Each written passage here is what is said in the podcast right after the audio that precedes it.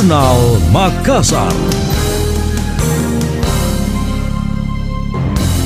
Saya Emil Faris dalam Jurnal Makassar. Hingga kini Kementerian Agama Wilayah Sulawesi Selatan masih menunggu kepastian terkait kabar dibukanya kembali pemberangkatan jamaah haji maupun umrah untuk Indonesia oleh pemerintah Arab Saudi. Kepala Bidang Penyelenggara Haji dan Umrah Kemenak Sulsel Ali Yafid mengaku sejauh ini pihaknya siap melakukan pemberangkatan. Hanya saja masih harus memastikan regulasi yang diberlakukan serta kesiapan jamaah. Salah satunya terkait aturan vaksinasi. Ali mengakui cakupan vaksinasi jamaah umroh di Sulsel masih rendah. Dari total 3.800 lebih jamaah umroh yang siap berangkat, hanya 1.000 lebih telah divaksinasi lengkap. Terlebih jika nantinya dipersyaratkan setiap jamaah yang berangkat harus menerima suntikan booster kurang lebih 3.831 orang yang tercatat di saya. Ini yang saya lihat baru yang sudah divaksin itu 1.006. Jadi masih ada 2.000 uh, apa 825 yang belum divaksin. Ini menjadi catatan penting juga yang harus disampaikan kepada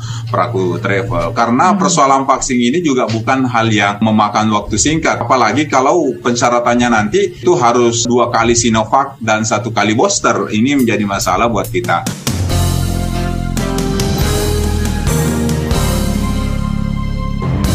Sementara itu Adnan Syahrudin selaku manajer director PT Tazgiyah menuturkan pihaknya mengapresiasi usaha semua pihak agar jamaah Indonesia kembali bisa beribadah ke tanah suci. Akan tetapi sebagai pelaku jasa travel, pihaknya ingin betul-betul memberi kepastian kepada jamaah kapan mereka bisa berangkat. Sebab menurutnya kabar yang beredar baru sebatas wacana itu baru penyampaian bahwa Arab Saudi akan membuka kembali akan membuka kembali umrahnya untuk Indonesia. Kalau terkait dengan kepastiannya, sebagaimana kita ketahui bersama bahwa Indonesia sekarang ini itu masih termasuk negara-negara yang di blacklist untuk memasuki Arab Saudi. Berarti kalau misalnya jemaah Indonesia sudah diizinkan untuk memasuki Arab Saudi melaksanakan ibadah umrah, maka seharusnya kebijakan Arab Saudi yang memblacklist Indonesia untuk harus dicabut.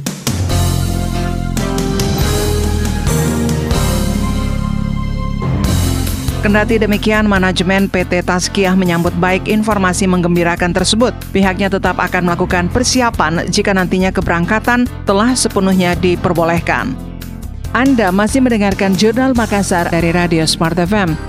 Universitas Gajah Mada UGM memberi apresiasi atas langkah pemerintah Kota Makassar yang berencana menggunakan Genos sebagai alat screening siswa SD SMP dalam pembelajaran tatap muka PTM di sekolah. Wakil Rektor Bidang Kerjasama Profesor Paripurna saat menerima kunjungan Wali Kota Makassar Dani Pomanto mengatakan, sejauh ini teknologi Genos sebelumnya telah dipergunakan sebagai alat screening di sektor transportasi. Jika digunakan di dunia pendidikan dan industri, diyakini akan memudahkan proses screening dan tidak membuat siswa atau karyawan merasa tersiksa dicocok hidungnya setiap dilakukan tes antigen. Sementara itu Wali Kota Dani Pomanto mengatakan pihaknya menghargai inovasi dan karya anak bangsa seperti Genos di tengah situasi perang melawan COVID-19. Dia menyebutkan teknologi Genos sebagai alat pendeteksi virus COVID-19 melalui nafas sejalan dengan konsep masa depan ilmu kedokteran yang ditunjang dengan kecanggihan teknologi, kecerdasan buatan dengan model pendeteksian penyakit pada pasien melalui retina darah, dan nafas.